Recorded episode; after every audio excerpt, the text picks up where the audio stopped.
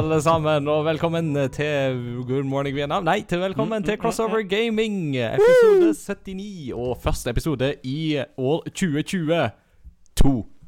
Yes, nå er vi begynt på år 2020, part død. uh, så dette blir, eh, dette blir fint og flott. Nei da.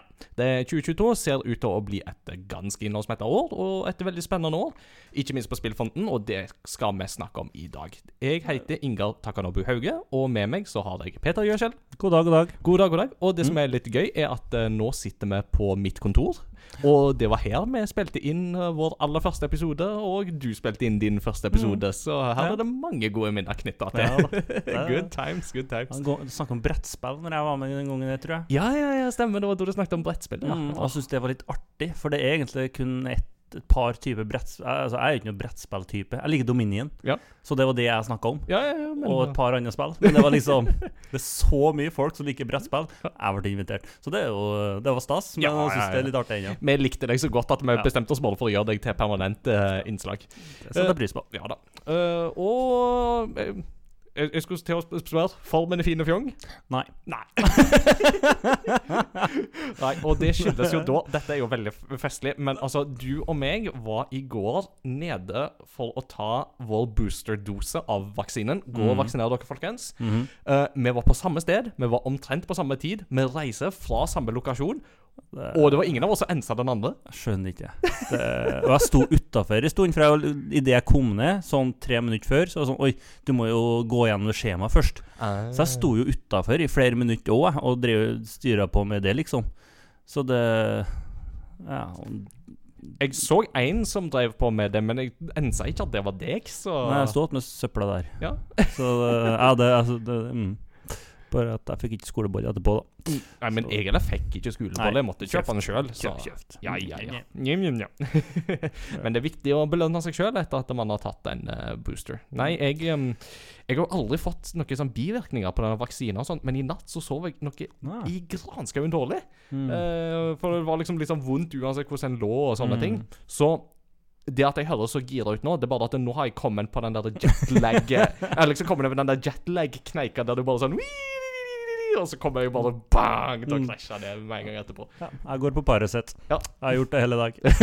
det, det, jeg hadde en dag på arbeid hvor jeg ikke fikk Jeg, jeg kunne ikke være syk. Nei. Så da kjørte vi Da dopa vi oss ned på Paracet, og så har vi egentlig bare gønna på hele dagen for å holde det gående. Sånn er det. Du kan Ja. sove til helga. Ja, Så, det er det som er planen. Ja da. Uh, og forhåpentligvis har du jo fått sove litt i ferien. uh, Mm. Og jeg håper du har hatt en fin ferie. Dere var jo Ja. i Nord-Sverige, dere, og det så vakkert ut. Det, det var vi. Det var, det var kanonkjekt. Uh, Fant du ut at vi kjørte eh, 3700 km Mhm. til sammen i jula? Det er Eh, mye! Så det det, det var langt. Da, da Eh, rekker du å høre på alle episodene av Crossover du, Gaming. du, jeg, jo, du kommer langt, i hvert fall. Eh, så det og var jo litt sånn ekstra Altså, kjøre i mørta i svenske skoger er jo litt spennende. Det er mye elgfare. Mm. Eh, vi var jo over Kom jo til ei ulykke. Eh, det var i, ikke så langt ifra um, Østersund. Hm. Og da var det én elg som hadde krasja inn i én personbil og en lastebil. Oi. Det var 32 minus, og trafikken sto i eh, Skal vi se Fra halv fem til halv elleve om kvelden. Åh, det er lenge, Eh, og det er kaldt.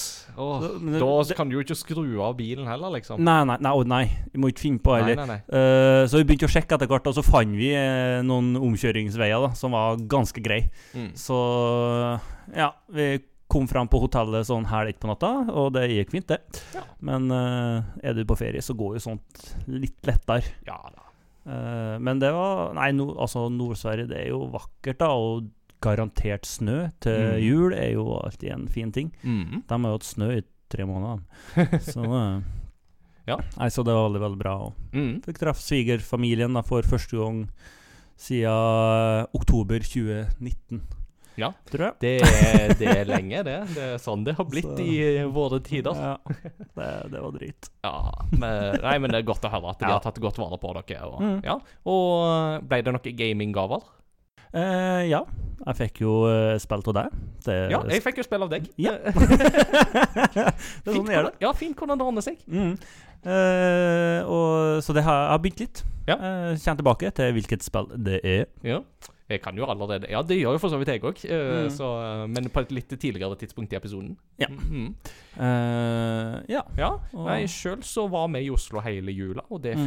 veldig fint. Det ble en veldig rolig spilljul, og Ja. det er jo ikke feil. Og Så nyttårsaften kunne vi følge med fra taket på, på campus her og se Mm. fyrverkeri, så det var eh, kjekt. Og hadde litt besøk innom nyttårsaften første nyttårsdag, så det var artig. Mm. Mm. ja. Så jo bilde av det. Ja, ja. Så, eh, nei, det virka bra, det. ja. Men eh, 2022 er jo nå for alvor i gang, og Mm. det er vel på tide å legge jula bak seg og begynne å trene av seg eh, julefettet. Og heller begynne å innta nye ting. Så la oss snakke om spillåret 2022.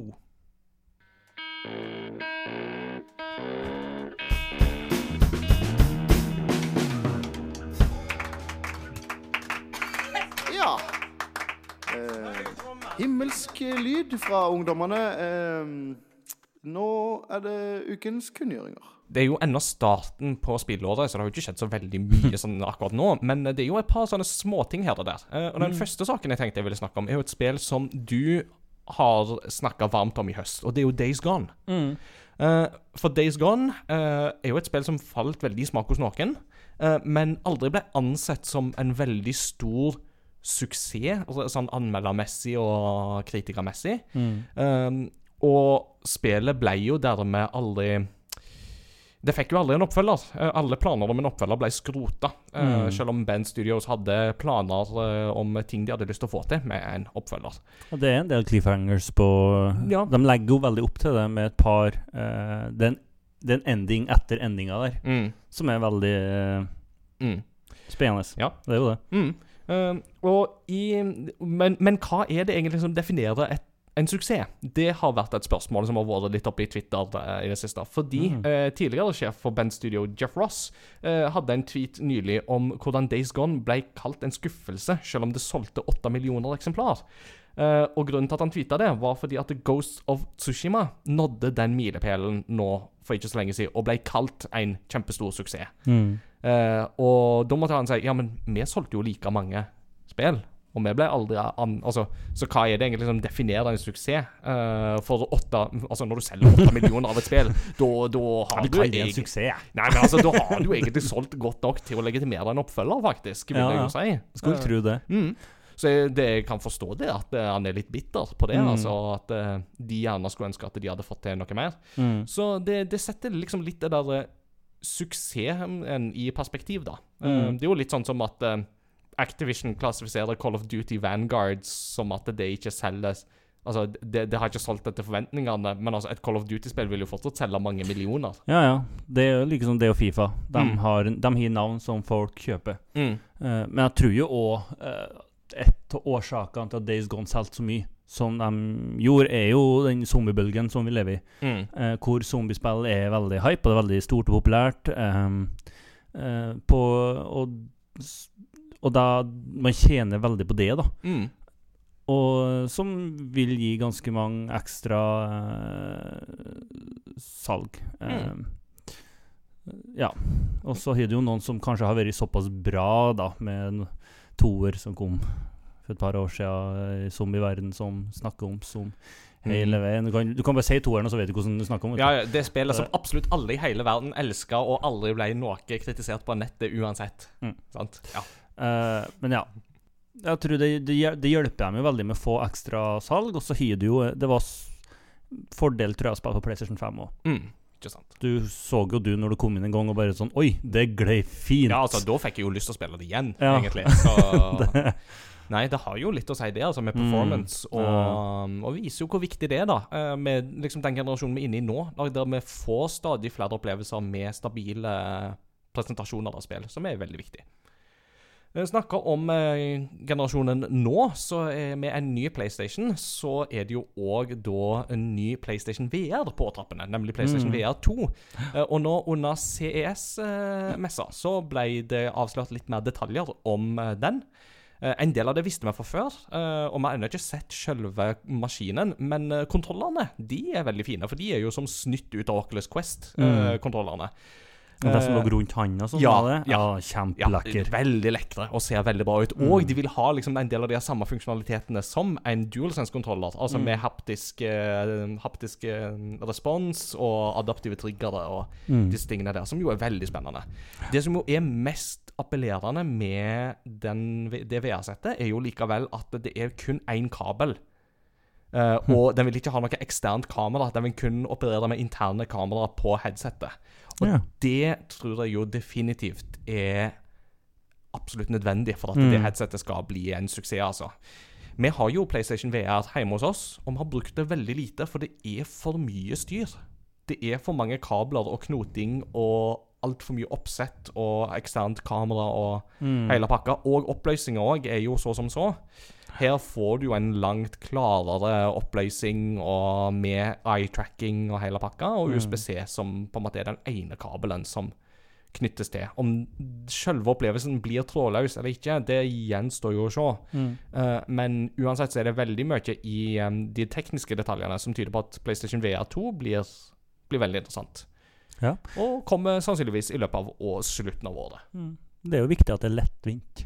Skal du bruke det? Det er jo det. Lettvinthet er Det- nøkkelen Det for VR. VR. det selger alltid godt. Mm. Og det er jo derfor Oculus Quest 2 har blitt så populært. Det er jo fordi at det er så lett å bruke. Altså Det er jo bare å ta på, og så Mm. er du i gang med det. Så kan du koble det til Bluetooth Nei, til Chromecast òg. Mm. Eh, kan du faktisk få det da rett opp på en stor skjerm. Mm. Det har jeg jo brukt på LAN-et her. Ja. Eh, Og det som er så fint med PlayStation VR 2, er at da slipper du å forholde deg til meta. Eh, da slipper du å hoppe inn i dette metaverset Oh. Eller, eller Misa, som Mm. hun kan kalle det.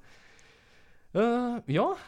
Um, CS-messa, den var nå. Ei messe som derimot ikke blir noe av, iallfall ikke fysisk, det er E3-messen 2022. Den uh, blir um, I den grad den blir, så blir den eh, heldigital. Og det Ja. får vi vite mer om i løpet av året. Men de har Mm. allerede nå bekrefta at den blir ikke fysisk i år heller. jeg tror de gjør seg sjøl en tjeneste og bare bestemmer seg nå. Ja, det tror jeg er helt Det riktig. er av de. spesielt med hvordan det går borti der, Mm. eh, med smitte. Eh, altså, ja Los Angeles, California for, er jo Både øst- og vestkysten sliter veldig. Mm. Og Los Angeles er jo Folk sover jo telt på stranda, for de har mista huset hjem. Så det er jo Mm. Det går ikke bra. Nei. Så da bare gjør sånne ting, og bare Ja, vi venter et år til. Jeg Ja. tror det er lurt. Jeg tror det er helt lurt. Men jeg Mm. håper at det blir noe, da, for vi må jo ha E3-høymesse mot slutten av Ja, året. ja, hallo. eller, eh, slutten av semesteret, mener jeg. Det, Det må vi ha. Um, og så var det litt nyheter nå denne veka om uh, det nye studioet til Bioshock-skaper Ken Levine. Um, og da er jo mitt spørsmål har du spilt Bioshock-spillene noen gang. Nei, jeg har ikke det. No. det jeg har sett, uh, sett eh, trailerne og eh, kortfilmene og sånt. Ja. Uh, og det er jo sånn Ja, hvorfor har ikke jeg gjort det der? Nei, ikke sant? Eh, det, det har jeg spekulert på mange ganger, da. Ja. altså, tenk på det. Ja. Altså, altså BioWare eh, Nei, BioWare sier. Mm. Bioshock. Altså Det første Bioshock er jo absolutt en klassiker. Det er jo Mm. det er en grunn til det.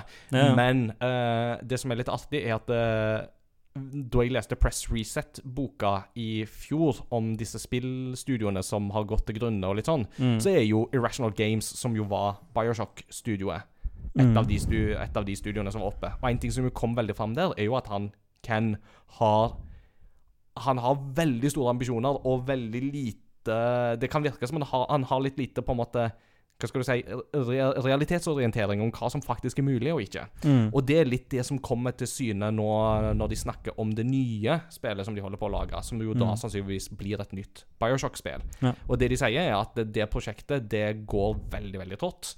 Blant annet fordi han får liksom noen nye impulser, og så må de begynne å bygge ting igjen opp fra scratch. Og at det er mange folk som har forlatt studioet, og at de var vel på et tidspunkt 100 folk, men nå er de sånn rundt 30. Og det tyder jo ikke så veldig godt. Uh, men Ghost Story Games, som studio heter, uh, de har da egentlig Det som har kommet fram, er jo da at et nytt spill fra de vil tidligst være å forvente i 2024. Mm. Så de som venter på Bioshock, de må nok vente litt til. Men Det gir jo god tid til å spille de gamle. Det er sant. Mm. Men det er jo fryktelig dumt òg. Altså, hvis du driver og mister folk, så må du erstatte dem. Ja. Og det å ha nye folk og nye folk og nye folk, det er jo ikke Altså, det er jo krevende å lage spill med ett team. Mm. Det tar tid, det er mye arbeid. mm. Og så hele tida nye folk som bare Ja, skal vi se, hva har den forrige personen gjort- gjort, da? Så må du sette deg inn i det først. Før du kan Åh. Så det, det er litt sånn synd, men det, det kan virke som at han Ken trenger noen som kan realitetsorientere han litt mer, og dermed få studioet litt på rette kursen, da. Mm. Så vi får håpe at det går bra. Det er jo ikke kjekt for de som er igjen heller, for det blir jo mer Nei. belastning på de òg, ikke Ja, sant? Så jeg håper at det der ordner seg. Um, husker du um, hvor tid det var, ikke i fjor, men ja, for halvannet år siden, da Microsoft kjøpte Zenimax, altså Bethesda, for 7,5 milliarder dollar? Eh, jo, ja, Ja. det Husker du at vi syns det var mye penger? Uh, Ja, det er jo mye penger, da. Ja, men det er ikke så mye som 12,5 milliarder dollar, som jo På da som Take Two har betalt for å kjøpe Zynga. Altså dette mobilspillselskapet som blant annet står bak eh, Ja, det er vel Farmville, blant annet. De står bak, er det ikke det? Unnskyld. 12,7 milliarder dollar. Eh, som jo da blir ja, da tidenes, dårl eh, tidenes dårligste Så vi er ikke for. Tidenes dyreste. Mm. Uh, men altså, Zynga på dynga, det er vel uh, Nei da. Uh, jeg, jeg, jeg har ingen grunnlag for å disse Zynga sine spill, for jeg har aldri spilt de. Uh, men altså 12,7 milliarder, det er jo en hinside, et hinsides beløp. Ja, men altså, mobilspill Altså, dem er jo ganske altså, langt fram når det kommer til mobilspill. Og altså, ser du bort til Asia, så er jo mobilspill så svært. Ja, ja, ja, helt klart. Altså, Så er mobilmarkedet er kjempestort. Ja, ja, overbevist om at det, altså, det, er, det er ikke så krise, kanskje, som en skulle tro. Men det, altså, my, det er mye. Mm. Kjære vene. Men altså, vi snakker jo om de som eier Rockstar. Og, Ja. altså, hvis du lurer på hvor alle GTA-pengene går hen, så tror jeg at de gikk til Zynga. Så. Ja, er ikke neste GTA, det er helt sikkert. Hvor er det hen? mm. Det er det mange som venter på. Kanskje vi får en sneak uh, peak i 2022? Hvem vet? Uh, et par korte ting til slutt. Uh, Kirby and The Forgotten Land, som er et eh, Switch-spill som jeg tror mange av våre lyttere gleder seg til, har Mm. eh, fått en dato, og det kommer 25. mars. Altså på Tolkien Reading Day. Så eh, det blir en fin dag. det er fint. Mhm. Og så, helt på tampen i nyhetssegmentet, så har det kommet noen nyheter om både Xbox One og om PlayStation 4 i um, dag. I dag-ish, iallfall. Mm. Um, for det har nå blitt uh, kjent at uh, Microsoft har uh, stoppa produksjonen av Xbox One. Så nå er det kun Series-konsoller de skal produsere. Så det vil si at Ja. de Xbox Ones som er på markedet nå, det er de som kommer til å finnes på markedet. Mm. Det er da stikk motsatt strategi av den Sony kjører. For eh, Sony har da funnet ut at eh, å, folk får ikke tak i PlayStation 5. Vi produserer flere PlayStation 4 som svar på det. Vil folk kjøpe det? Eller sånn jeg, vil, jeg vil bare tenke sånn, eh, sånn toppen av skallebanken her at hvis at du De fleste som vil ha PlayStation 5, har gjerne allerede en PlayStation 4. Det er ikke sånn at du legger sammen to, Nei. og det blir fem. legger, sammen, legger, sammen, legger, sammen to PlayStation 4, og så får du PlayStation 8. Yeah! det er sånn det funker. For altså, Ja, ja, jeg jeg, jeg syns det er litt sånn rar Det, strategi, men det, men, det, men det viser jo litt om hvor på en måte rart eller tech-markedet er akkurat nå òg. Ja. For det er jo litt sånn Du har komponentene til å produsere en PlayStation 4, eh, så da får du heller kjøre på med det og satse på at folk vil ha det. Men det er jo litt rart, fordi nå som vi går inn i 2022, så er jo et av de tingene som vil prege dette spillåret, tror jeg, er jo det at nå vil jo disse spillene som kommer på tvers av konsoller, vil fases ut. Og Mm. nå vil vi i langt større grad få spill som kun er retta mot det nye markedet. Mm. Ja, de, de slutter vel å komme spill som gratis oppgraderes til PlayStation 5 nå. Det, Det, ja, nei, Mm. de er jo det. Av storspillene så er det jo de som kommer sannsynligvis da i år, som vil nok være de siste storspillene som kommer på tvers av konsoller, sånn som God of Mm. War og Horizon, eksempel. Og når det er slutt, så vil du jo sannsynligvis måtte hoppe på en PlayStation 5 for å ta del i moroa. Det er et kjipt eple å kjøpe en PlayStation 4 i eh, ja, august, Ja. og så oppdager du neste år at ja, ja, da, det, da, da var det var ikke noen nye spill, da. ja. Men vi får se hvordan eh, det går.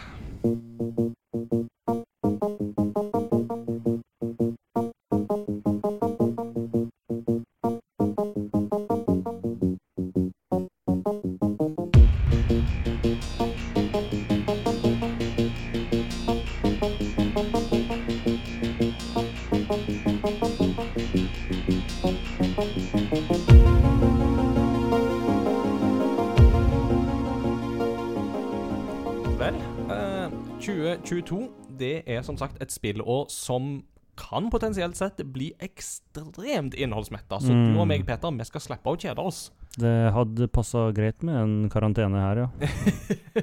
Eller Det kan man si. 15. Ja. Det, Eh, nei, vi får bare vente og se. Det, det blir iallfall ikke Det er iallfall ikke det det skal stå på eh, for oss, Mm. da. Eh, jeg tenker at um, på starten av året så pleier vi alltid å ta liksom eh, Vi setter oss ned, og så ser vi på spill som ser ut til å komme i år, og så bare prater vi om det. Så det er det vi skal gjøre i denne episoden. Vi skal snakke om spillåret 2022, sånn som vi ser for oss at det kommer til å bli. Hva gleder vi oss til? Hva tror vi eventuelt blir utsatt? Er det noen andre ting vi håper på? Og så videre. Så jeg tenker at uh, vi kan jo egentlig bare begynne i din ende, Peter. Um, Mm. Jeg har jo allerede Altså, jeg har jo skrevet en sånn topp 20-liste for Game Reactor. ja, du har jo spoila den episoden her allerede, du. det kan du jo si. Men jeg tenker jo det at uh, du kan jo begynne Vi kan jo begynne i din ende, og da kan Mm. vi jo luke ut noen av de spillene som jeg da har på Mm. min lista, for vi har garantert noen overlapp. Et par tror jeg nå Ja. eh, det er. Pluss moms. Ja, pluss moms. Ja. vi har jo litt overlappende smak, men så har vi noen uh, særinteresser òg. Så Ja, absolutt. Ja, så Peter, uh, spillåret 2022, hvor, uh, hvor har du lyst til å begynne? Du, eh, da bare starter jeg der Google starta når du søker på spillåret 2022. Ja, Eh, og da er første spillet som kom opp da, det er Elden Ring. ja det er vel eh, Det er vel ikke en gåte at det er vel et av de mest hypa titlene for Mhm. eh, året. Uh, ikke minst for at eh, From Software-fansen blir jo veldig engasjerte når det er snakk om From Software-spill. Ja, ja. Men etter å ha sett den eh, betaen i Elden Ring, så skjønner jeg de absolutt. ja, ja. Det For- ser så lekkert ut. Og Mhm. det virker som et vanvittig spennende univers. Mm. Så det, den gleder jeg meg veldig til å prøve. Og altså, G.R.R. Martin han kan jo skrive. Ja, ja. Han gjør jo det. Selv om det går styggsakte, så får han jo til det. Det var jo, jo, det var der jeg snakka om at jeg er spent på om det kommer i tide. ja. Hvis han bare vil, så får han det nok til. Mhm. Akka bakka bunka rakka prøv det en gang til. Så det er et spill som jeg er hype på, og jeg ser veldig veldig fram til det. Mm. Jeg har det på min liste òg, og jeg skal innrømme at det er ikke det spillet jeg gleder meg mest til. Men sjøl jeg er liksom litt sånn Greit, det, det, det ser gøy ut, jeg skal Mm. teste det. Ja. Og en ting som jeg jo har skjønt med From Software-spill, er jo det at eh, det spillet jeg har spilt mest av de, eller der jeg kom lengst, det var Sekiro, Shadows Die Twice. Ja, Men det er visstnok òg det vanskeligste, Oi. sier mange. Ja. Så jeg har tydeligvis på en måte lagt fokuset mitt i feil ende. Um, Ja, og, artig. Ja, så vi får se, da. Men eh, det, det er liksom elementer ved Elton Ring som jeg tror gjør at det vil være et spill som er lettere for meg å gå, gå løs på. Mm. Uh, blant annet dette med en mer åpen struktur og åpen verden. Og, Mm. ja. Og ikke minst at jeg har brynt meg på litt mer vanskelige spill de siste par årene. Så. Ja. Så er det jo en sjanger vi begge liker, da. Med drager og sverd og alt. Mm. Drager og sverd er og monstre. Oh my. Oh, nei. Så det blir ikke noe rekkefølge her. her, her, her Nei da, vi kjører på. Eh, neste, det er julegaven din. Uh, Ja. Horizon Forbidden West. Jo, tusen takk. Bare hyggelig. Eh, veldig kjekt. Vi har allerede forhåndsbestilt Collectors Edition, så Ja da. da får vi dekka, dekka grunnpakken. Det var derfor jeg tok det som et gavekort på den det, det sjølve spillet koster. For jeg sånn, mm. Du skal sikkert ha sånn heidundrende pakke. Jeg, jeg skal ha robotmammut-statue. oh yes. uh, ja, nei, det Jeg koser meg veldig med Mhm. Horizon Zero Dawn. Så fort PC-en klarte å dra det, i hvert fall. Mm. Det tok jo litt tid, Ja. men et, når du klarte å passere 60 frames i sekundet og på god grafikk, så ble det jo et fantastisk eh, kjekt spill. Mm. Um, det er en så spennende verden, og nå skal jo utforske enda videre. Mm. Så det, ja Gleder meg til å se hvor veien går. Absolutt. Mm. Jeg eh, gleder meg veldig til å se hva de får til med PlayStation 5-kreftene i Mm. bagasjen. Altså, Jeg har jo kun spilt det på en standard PlayStation 4, Ja. Eh, og fortsatt så var Altså, grunnen til at Horizon Zero Dawn ikke var mitt Game of the Year i 2017, var fordi at du hadde to andre spill det året som heter Persona 5 og eh, Zelda Breath of the Wild. Mm. Så Ja, ja. det, det, altså 2017 var jo et heidundrende år, Ja. det òg. Uflaks, rett og slett. Men uh, jeg gleder meg absolutt. Og Mm. eh, altså, jeg har jo en kone som er fryktelig fryktelig glad i Mm. Horizon Zero Dawn. Litt og, derfor dere fikk gave òg, for da visste jeg å treffe begge to. Ja, det er gull. Blink. Uh, hele pakka. Så det Nei, og det skjer så det er Trailerne som kom ut, og det er så vakkert, og fargene og, og En utrolig teit diskusjon om utseendet hennes, at du er ikke vakker nok, men det driter jeg i. Altså, Innholdet tror jeg kommer til å være så bra. Mm. Altså, det var jo en av de tingene som jeg likte aller, aller best med Horizon Zero Dawn, var Mm. jo Aloy som figur. Mm. Både fordi hun ikke var en sånn type Lara Croft eh, Sånn Mm. liksom I can Altså, hun er jo ikke stygg å se på, altså, men altså Nei, jeg tenkte ikke over det. Nei, men altså, altså, altså hun, er så, hun er så naturlig framstilt Ja, på alle måter. Eh, og så den håranimasjonen i de spillene er jo bare helt Så fantastisk, ikke sant? De har jo gått og lagt inn hvert et strå, vet Ja. du. Men, men, men det som jeg på en måte likte best med Aloy som figur, var det at hun ble aldri redusert til en sånn å, men hun skal bli sammen med den og den. Det var Mm. liksom hennes funksjon i det spillet. Nei, altså Hun var bare seg sjøl Mm. hele veien tvers igjennom. Du skulle finne svar. Mm. Og Det- Vi trenger flere figurer som Aloy. Absolutt. Neste spill, Mm. det er kanskje det spillet jeg gleder meg mest til. Mm. Uh, her, det her, når jeg spilte Eineren, så hadde jeg jo en avtale med Da hadde jeg ikke PlayStation, så da hadde jeg en avtale om at jeg i arbeidstida, så når jeg hadde fri, så um, Du arbeidet, så uh, hentet jeg nøkkel til deg. Gikk hjem til dere, satt på klesvask, og så satt jeg og spilte Mm. God of War. God of War. Boy. Ja da, du var liksom Du var gaming-au-pairen vår. Ja. Det var Og det funka fint, det. Ja, ja, ja. Eh, De klærne, de ble reine. De ble det. Kan kle seg skutt. Uh, nei, God of War, Ragnarok, det Nei, nei, nei. Ragnarøk. Ragnarok. Det ser så rått ut. Fytti katta, jeg er så spent. Og hele når Thor kommer inn der, og du får liksom det ordentlige Mm. mann mot Eller beist mot beist, Mm. eh, vibbene, og det faktum at Thor ikke ser ut som en hunkypunk playboy. Altså, Men- Thor ser ut som du tenker at Thor i norrøn mytologi Ja! skal se ut. Lubben, småtjukk og stygg. Ja, altså, altså Vi snakker jo om mannen som virkelig elsker å feste. Mhm. Det er liksom Alt er ølmagen, og alt er på plass. Ja. Og det Nei, eh, Og ser fortsatt ut som en beist. og ser fortsatt ut som han kan ta livet av deg. Mm. Lett. Eh, men ja, basert på hvor vanvittig god historie det første spillet har, med karakterbygging, hele relasjonsfar og sønn Mm. og kara Sterke, ka- gode karakterer du treffer gjennom. Så ekstremt gode. Ja. eh, og du, det var liksom bossfighter som Du måtte arbeide, liksom. Mm. Og det ble vanskeligere og vanskeligere, og det var ikke én spesiell type som var god. Men det var flere forskjellige karakterer som ga deg en ordentlig utfordring, og det var kjekt. Mm. Du fikk en sånn Å, nesten! Og så må du prøve igjen, og du prøver igjen, og du prøver igjen. Også når du går, da. Det, Mm. det er, er fantastisk, og så vakkert, da. Ikke Ja. minst. Og Um, kremmusikk og Mhm. hele pakka. Jeg, jeg, jeg synes jo det er Et av disse øyeblikkene fra traileren som jeg jo syns er ekstremt festlig, det er jo når de møter på Ty, altså Mm. norrøne God of War. Mm. Og han reiser seg opp, og du bare ser han er liksom tre hoder høyere enn Kratos. Mhm. Og det er bare sånn der What? Ja, men Kratos er jo ikke liten. Nei, han er stor! oh, nei, det blir eh, det, det tror jeg blir Altså Det blir vanskelig å rangere God of War og det- Horizon på God of War. Altså. tror jeg kommer det, det er fort topp tre, i hvert fall. De, de to der, de blir liksom Eh. nok til å de, de, Hype-meter er iallfall høyt. Ja, både Horizon og God of War tror jeg fort kommer topp tre. Mm.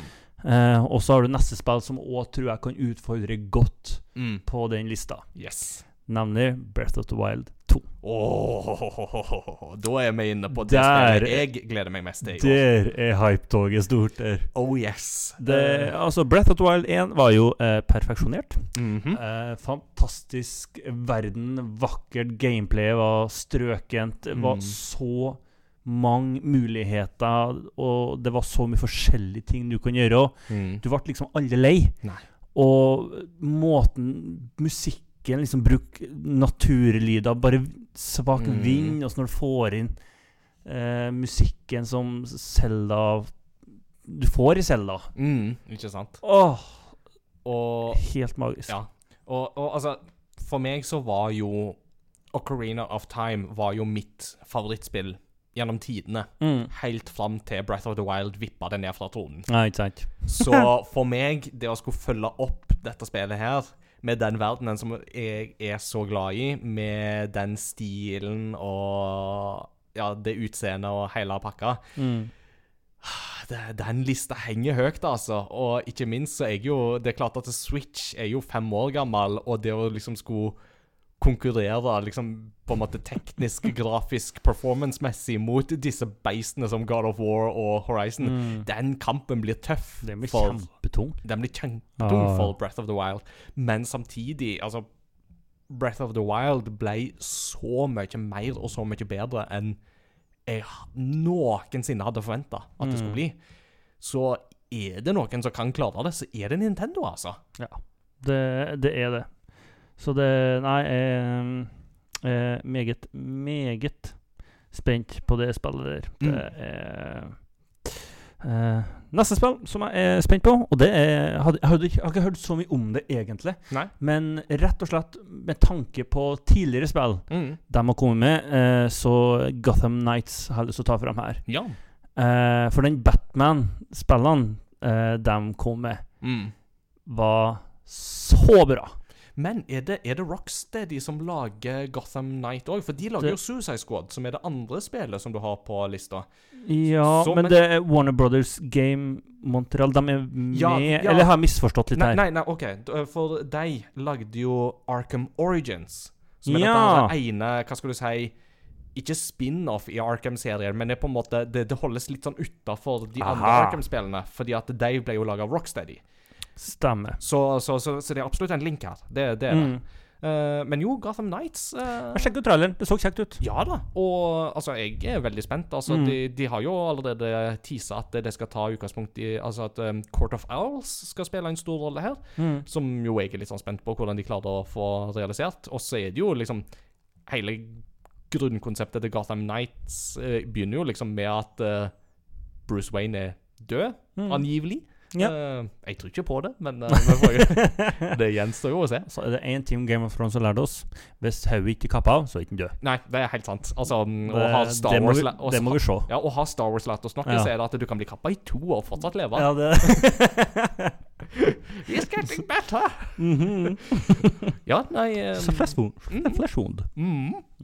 Nei, så det kikka litt på det i dag, og jeg, jeg syns det virker det, Jeg er spent på det. Ja. Jeg skal, skal satse på å prøve det. Og så nevnte jo du akkurat Suicide Squad. Yes. Det Kill the Justice League. Ja. Det er jeg veldig spent på. Men tror du, eh, tror du King Shark slash Nanaue blir eh, så sjarmerende som han er i filmen? Jeg håper det, da.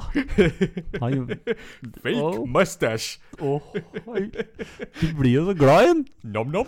Ja. Det er sånn Åh, ja, han var søt, og Ja. der Og, og der Du spiste han spiste opp han der, Og du. der reiv du en soldat i to òg. Ja. Men der lagde du en liten uh, figur av Peacemaker i uh, sånn eksplosiv C4. Å, så koselig. Mm. Ja, nei, men altså Det er jo veldig, veldig artig. Eller det blir jo veldig spennende. For Mm. det er jo det første vi får fra Rocksteady siden Arkham Knight i 2015. Ja. Så det er jo syv år siden. Mm.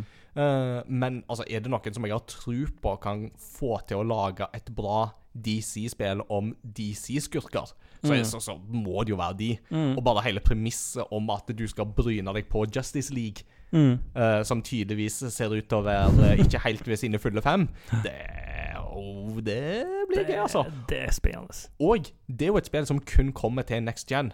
Ja, ikke sant? Så der uh, gjør de et helt riktig grep, spør du meg. Altså, Ja. De dropper last gen, og det, det, også der får du en ren next gen-opplevelse. Du sikrer kvaliteten så mye bedre for PlayStation 5 og Xbox. Mm, helt klart. Det gjør du. Så det og det er så Eller, ja. Jeg syns det er litt kult fordi i filmverden så har jo Marlo vært ganske totaldominerende på superheltfronten. Mm. Det er et par DC-filmer som har vært OK, OK Mm. pluss Mm. og helt grei og sånt. Eh, men i gameverden så er det jo Ja. Det er liksom Batman. Ja. Som har liksom Han Ja. har tatt opp kampen alene. ja. Uh, og, men så har vi jo fått litt konkurranse. da. Du har jo fått Spiderman. Jo da, for du har noen, Ja. men eh, det, liksom Batman gjør det veldig bra som Mhm. spill. Mhm, absolutt. Eh, Og vi får jo et Wonder Woman-spill etter hvert òg. Mm. Det er jo kjempespennende, for det er jo første gang vi får et Wonder Woman-spill. Ja. Og der, oh, det, det, det er jo ikke, det kom jo ikke i 2022, da. Da hadde jo bare tisa at det er på vei. Men Mm. det er jo kjempeinteressant, syns jeg. mm. Apropos sterk kvinnelig karakter. Ikke sant? Uh, ser litt for fin ut igjen, da, men mm. Ok, Kan ikke klage på det heller. Det uh, neste spill et helt annet type spill. Det er Gran Turismo 7. Mm. Åh, bilspill er jo noe helt spesielt, og Gran Turismo de kan å få biler til å se fine ut. Det kan de. Mm. Eh, og altså, i utgangspunktet så er jo det et spill jeg ikke liksom tenker noe særlig på. Men Mm. etter å ha spilt Forza Horizon 5, Mm. og liksom bare kost meg med det, Mm. så takker jeg ikke nei til et veldig finpolert uh, racingspill Ja. på PlayStation 5 med haptic feedback og disse greiene her, da. Så selv om det er jo en helt annen sjanger enn Forza Horizon. Mm. Eh, altså Forza Horizon er liksom bare pur galskap. Mm, Her får ja. du det mer liksom den veldig strigla Superelegante Ja, eh, men- men, men vet du hva? Jeg, jeg kan være åpen for begge deler. Det, Nei, så drømmen det er ny TV og Gran Turismo 7 til sommeren, så er vi good to go. Det, Vroom. Ja. og så er jeg jo eh, spent på Det er jo spill som jeg aldri har spilt før, men uh, Kirby. Ja. Mm. Jeg har ikke spilt noe Kirby-spill før. Det har jeg lyst til å få spilt. Mm. Så uh, Kirby The, for, The Forgotten Land Ja. er jeg meget spent på. Mm. Det er jo et veldig spennende tidspunkt for deg å hoppe inn i det, for det blir jo det første Kirby-spillet i full 3D. Mm. For de, tidligere så hadde det Ja. stort sett vært todimensjonalt med litt sånn elementer av bitte litt sånn 2,5D eller Mm, sånne type mm. ting tidligere. Så Kirby-serien vil jo ta en ny retning med dette her. Men samtidig, det å få et skikkelig stort Kirby-spill på Switch, det tror jeg ehm, Ja, jeg tror det er mange som kan være gira på det, altså. Mm, mm. Så ja, jeg er spent på. Uh, neste, det er Tina Tina Swondeland. Tiny Tina. Tiny Tina Swondeland. Mm. Bare, det, det, det så feil ut der. Ja. Tina Tiny Tina Tiny Tina. Nei, jeg sa det. Medisinene begynner å gå ut, inn, ja.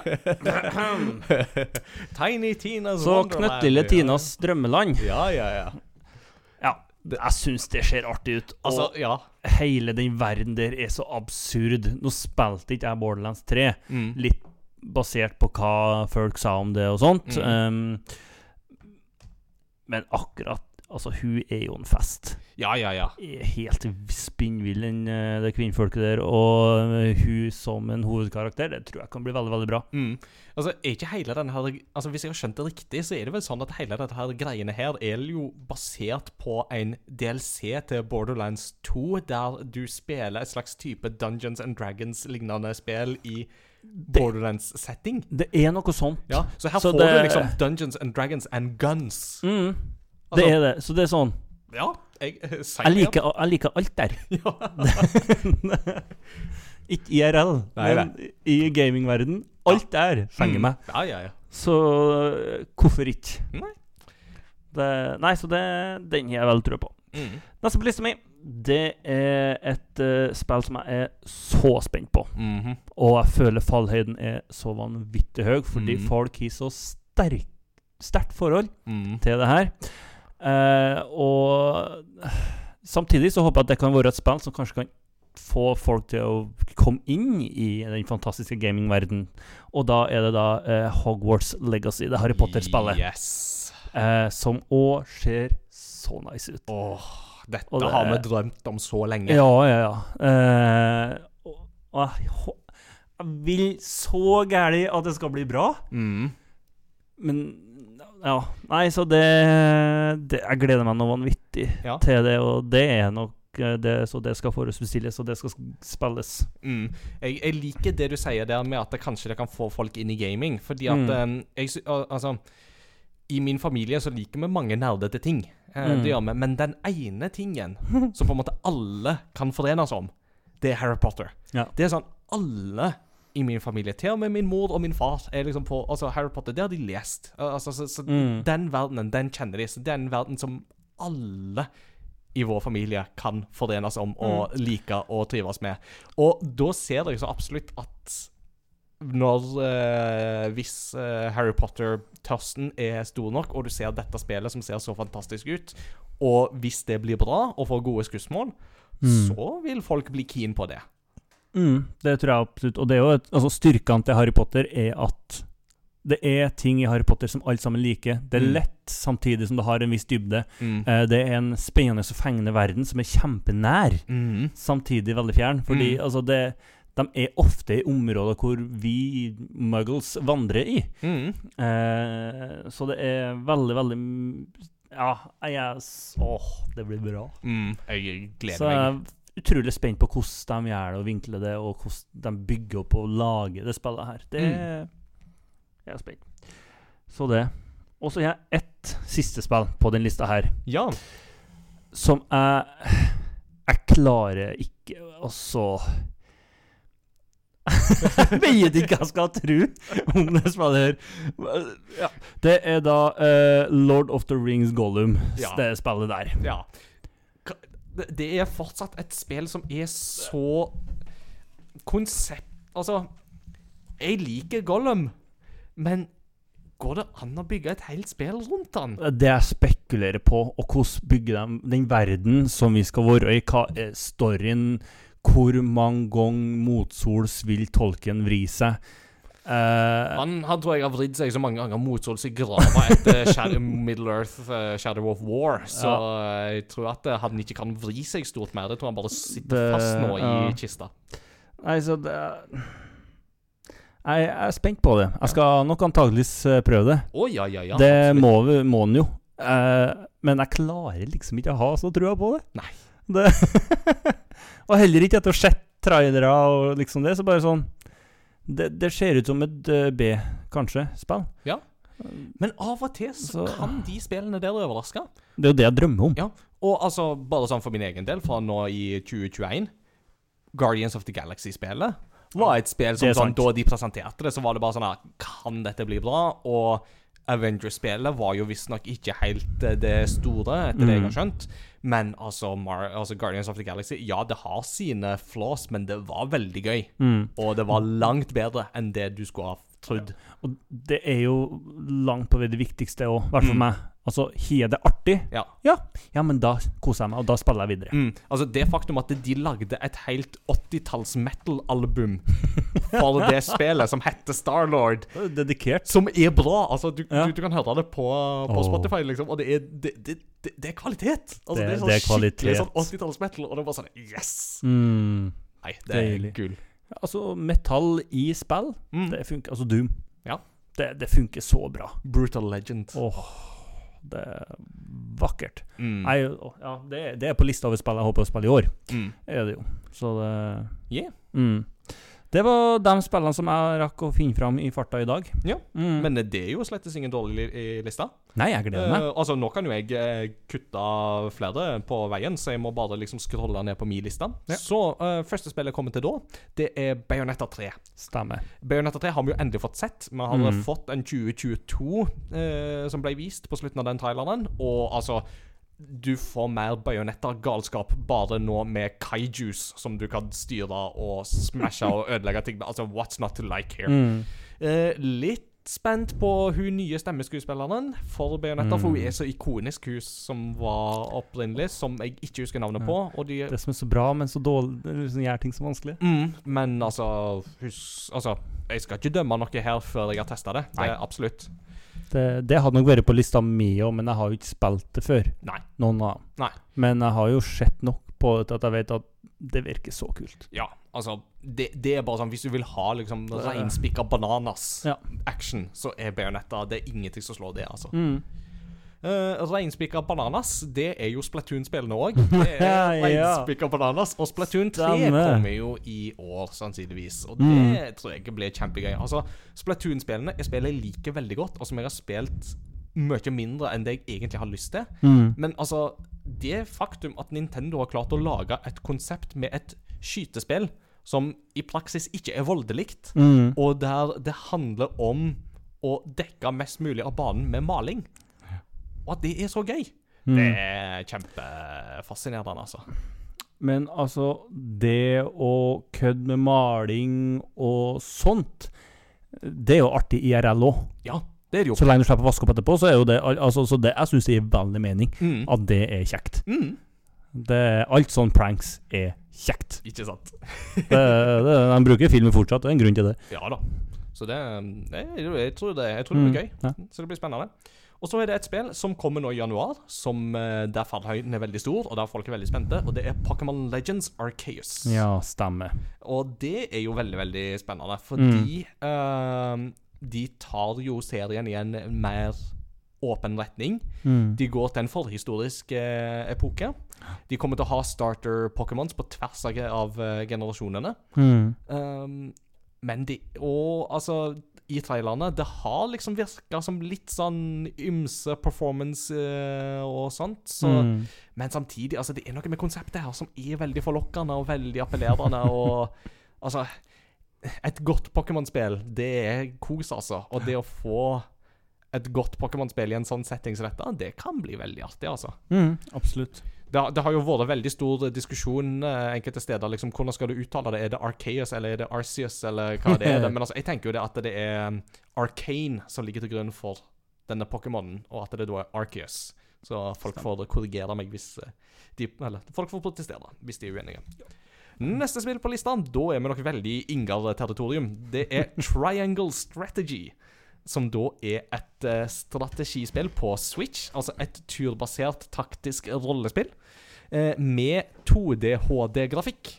Som da er Jo. den grafiske Altså, det er en sånn høgpikselert grafisk stil som vi så først i spillet Octopath Traveler. Ja. Ja.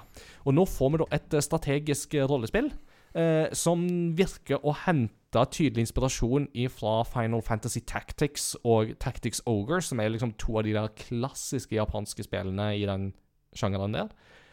Uh, med valg som får konsekvenser for historien, osv. Og, og det Altså Det tror jeg blir veldig, veldig spennende. Det ser rålekkert ut.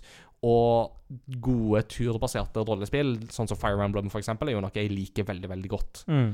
Så jeg håper at det kan eh, kan, eh, kan eh, gi noe av det samme Litt av den samme gode opplevelsen som Octopath Traveler gjorde det. For en del av de samme folkene som står bak dette. Nice. Mm. Og så skal vi over til noe annet som òg er reinspikka bananas, eh, som vi snakket om i stad. Og det er Mario plus Rabbits Sparks of Hope. Ja, ja, ja. Det kommer, ja. Mm. Det Stemmer. er, altså Mario plus Rabbits Kingdom Battle, det var En fest. Det var en fest. Mm. Uh, og, altså, det var bare reinspikka galskap. Men Ja. du verden så gøy reinspikka galskap det var. Det er jo det. Ja. Det er alltid det. Og, og det òg er jo sånn interessant spill. For det var jo sånn Da det først lekka, så var jo folk sånn Å, så teit. Det ser bare kjempeteit ut. Og så Mm. fikk folk se det på etere, og så var det sånn Å, det ser kult ut. Og Ja, ja. Miyamoto skryte av det i, sky i skyene på scenen. Og utvik hovedutvikler Ja. Ubisoft Milan sitter jo der og får tårer i øynene over liksom all den Etter å liksom først blitt dissa så mye og få så positiv feedback. Og altså, nå har de et uh, team ja, Og nå har de et team som er tre ganger så stort, og Mm. har jobba med dette her. Og nå er det jo tydeligvis ute i verdensrommet, og altså, vi får Rabid Rosalina. Jeg trenger ikke Mhm. noe mer enn det. ja, det Vi holder oss i det taktiske sjiktet. Det er mange sånne taktiske spill og sånt som kommer i år som er litt sånn Mm. spennende. Men dette er jo et spill som eh, jeg tror Mats Jakob kommer til å digge, og det Ja. er Metal Slug Tactics. Yes. Altså et spill som ser og oser Metal Slug så til de grader, og som da er et eh, taktisk uh, turbasert eh, strategispill. Uh, som både ser og høres veldig, veldig bra ut, og ja, Mm. det blir veldig spennende. Og så er det neste, som da er liksom litt i det der retro-sjiktet, det òg. Teenage Mutant Ninja Turtles, Shredders Revenge. Ja, det kommer nå. Å ja, det, det er på lista mi. Forhåpentligvis i 2022. Ja. Men altså, får vi noe som kan minne om Turtles in Time, som har den samme beat them up-følelsen, Mm. og altså, det de har presentert, det virker absolutt å naile denne klassiske Turtles-feelinga. Mm. så ja, det blir uh, artig. Elton Ring har vi jo snakka om. Um, 11. i 11. 22, da kommer Starfield. Uh. Og det er et uh, stort, ambisiøst uh, spill som eh, blir veldig, veldig spennende. Mm. Jeg har jo ennå til gode å liksom komme skikkelig inn i en Bethesda-serie. Altså en av kjerneseriene til Bethesda. Det være seg da um, uh, The Elder Scrolls og Fallout. Det, jeg, jeg ser liksom mange ting her som jeg skjønner at folk liker, og sånt, men jeg har aldri klart å komme på en måte inn i de sjøl. Mm. Men jeg tror at det jeg trenger, det er en helt ny uh, IP. Der de bygger ting helt fra scratch av, og samtidig leverer det de er gode på. Og det er det Starfield ser ut til å levere. Og det er sci-fi. Sign me up. Ja. Dette Vi har jo sett veldig lite av det ennå, men uh, jeg er veldig spent på det. Jeg er òg veldig spent på om det faktisk kommer 11.11., eller om det blir utsatt. Det gjenstår jo å se, da. Men eh, Ja, det er det. sånn eh, Sånn er, sånn er nå. Sånn er nå de tidene vi lever i. Og så er det et annet spill som jeg er veldig i tvil om rekker å komme i 2022, sånn som ståa er nå. Og jeg skjønner at uh, det er et spill som mange sliter med å bli litt sånn engasjert på, men Overwatch 2 står på min liste. Du tror det kommer? Jeg tror Eller jeg krysser fingrene for at Ja. det kommer. Jeg krysser fingrene for at Activision får skjerpa Activision Blizzard får skjerpa ting eh, hos seg. Jeg Mm. tviler jo dessverre på at de får orden på det. Men jeg håper likevel at de har et team som er så dedikert og jobber iherdig med det de holder på med, og virkelig vil at det skal bli bra. Og vet du hva, jeg vil òg at det skal bli bra. Jeg elsker jo Overwatch-universet Ja, ja. så høyt. Jeg syns det er så kjekt, og det har gitt meg så mye glede. Og jeg går overhodet ikke god for eh, de tingene vi har snakka Eller kom, det som har kommet fram om Blizzard. Men jeg har så lyst for de folka på gulvet som jobber med dette, og jobber så hardt og lenge Mm. med dette, at det skal bli bra. Ja. Jeg er jo veldig spent på at eh, det skal gå fra en seks mot seks til at det går til en fem mot fem. Eh, men jeg er veldig klar for en god liksom, PVE-del med mer fokus på historie. Mm. Det er liksom det jeg Altså, det alene er jo grunn nok Ja. for meg til at jeg vil ha dette. Det er absolutt. Så den blir det spennende. Den er jo på min liste òg, da. Mm. Og så er det et spill som kom litt sånn snikende inn liksom på slutten av uh, året, men, eller altså fjoråret. Men uh, Sea of Stars er et spill som jeg gleder meg til.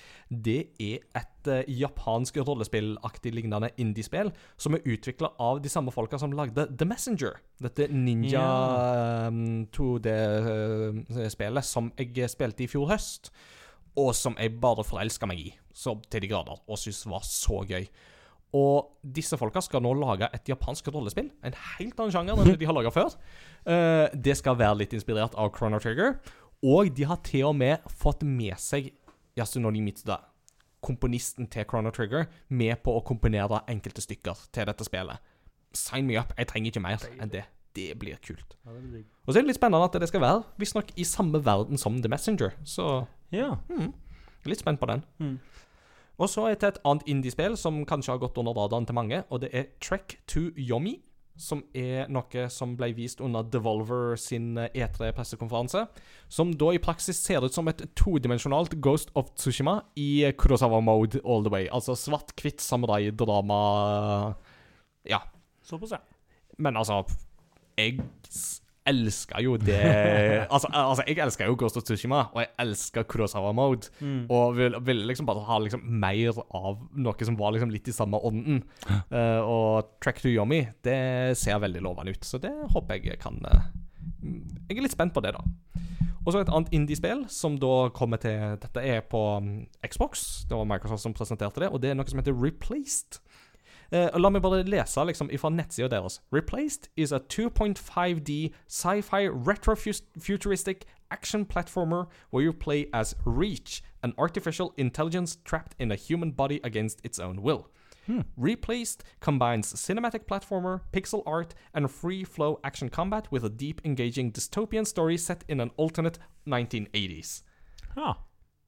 Alt i den setninga der skriker så Ingar.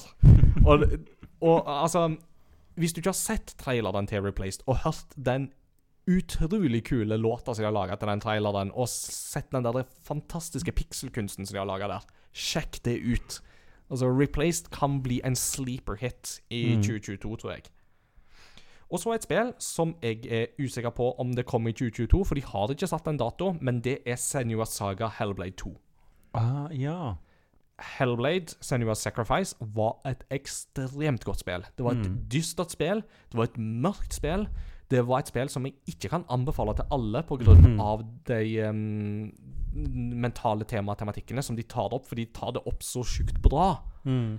Men altså, det spillet altså, det satte så dype spor i meg. Og alt jeg har sett av Hellblade 2, virker jo bare til å bli liksom enda mer av liksom det Ninja Theory kan best, kombinert med mer penger for Microsoft. Så det, det blir deilig. Ja. Så det blir veldig, veldig kult. Men vi får se da om det kommer. Ja. Og så bare noen kjappe slengere til slutt, som jeg ikke skal snakke så masse om. Eh, Det er da i alfabetisk rekkefølge Advance Wars 1 pluss 2 Reboot Camp, som ble utsatt til 2022. Okay. Atomic Heart, et uh, sånn eh, østeuropeisk uh, sovjet 1980-tallsspill med musikk av Mick Gordon, mannen bak Doom-soundtracket. Det kan jeg jo like. Yes. Chocobo GP, altså et eh, Final Fantasy go-kart-spill. Ja, stemmer. Ingen tror på at det blir bra, men jeg tror det kan bli gøy. Nei. EU Then Chronicles uh, 100 Heroes, som da er sånn type sånn uh, ja, uh, turbasert eh, strategisk eh, rollespill, det òg, med masse helter, inspirert av eh, gamle PlayStation-klassikeren Suikoden. Stemmer. Da er vi nok i territorium som er litt ukjent, men Oh, eh, yes. ja. Final Fantasy 16 tror jeg ikke kommer i 2022, men du Nei. verden så jeg gleder meg til det. Uh, Forspoken, dette nye til Square Enix, som Mm. uh, kan Ja. Um, Ghostwire Tokyo, det nye fra Shinji Mikami, mannen Mm. bak Resident Evil. Mm. Gotham Knights har jo blitt nevnt. Grand Turismo 7 har blitt nevnt. Marvels Midnight Suns, uh, oh. som jo da er dette Marvel XCOM-lignende spillet. Mm. Metroid Prime 4 har vi fortsatt ikke fått en dato på, men uh, vi håper. A Plague Tale Requiem. Ja. Det hadde vært gøy. Jeg Jeg har, ja, jeg så lyst til å spille eneren. her, jeg har det installert nå på Xboxen min, og det skal jeg få spilt før Nice. Requiem kommer. Det er planen. Jeg har det på Steam, Mm. så Ja. det er der. Mm. Det er visstnok anbefalt Altså, en eh, sånn hot tip som jeg har fått der, spill det på fransk. For den Oi. engelske dubben er visstnok ikke så bra. Nei. Men det er jo egentlig et franskutvikla spill, Ja, ja. og den franske dubben skal vi, Eller de franske stemmene skal visstnok være veldig mye bedre. Kult. Selv om du ikke kan fransk. Mm. Men oui. Med, po- med popo. Redfall, eh, det er jo dette her eh, vampyrskytespillet fra Arcane. De som har laga Dishonored og Prey og Stemmer. Ja. Og det er interessant. Ja, det er kult. sånn, ja. Mm. River City Girls 2, um, klassisk beat em up-type spill. Aha. Mhm. Sifu, et spill som kommer i februar, der du spiller som en sånn martial artist som blir eldre for hver gang han dør, men da blir han òg sterkere. Ja. Og eh, hvis du Altså, blir du, dør du mange nok ganger, så dør du totalt. Da må du begynne på nytt. Dør, dør, du. Ja, da dør dør du. Ja. Stalker 2, Heart of Chernobyl, ble jo akkurat utsatt fra april Ja. til desember, men eh, det er et sånt spill som òg virker veldig veldig kult. Ikke minst fordi at det er liksom så liksom Altså med russiske stemmer og alt sånt. så Mm. Det, det virker til å liksom fange den viben veldig godt. Um, Stray, spiller der du spiller som en kattepus i en ja. robotverden. Det, det blir kos. Alt med søte dyr er kjekt. Ja. Og Two Point Campus, som jeg jo da bare måtte ha med fordi at uh, Hallo, jeg jobber jo på et campus sjøl, eller en campus, så Ja, jeg må jo spille Two Point Campus. Men må faktisk det. Ja, må jo nesten det. My Life Simulator. uh, Eh, vi har jo allerede fått memes om at uh, Ingar skal spille Two Point Campus, fordi at Mhm. han skal jo trekke inn erfaringer inn i virkelige liv. Uh, nei da. Med det så tenker jeg at vi skal ta en pause, og så skal vi Mhm. høre fra lytterne våre om hva de ser mest fram til. Og så skal vi oppsummere litt hva vi har spilt i romjula. Ja.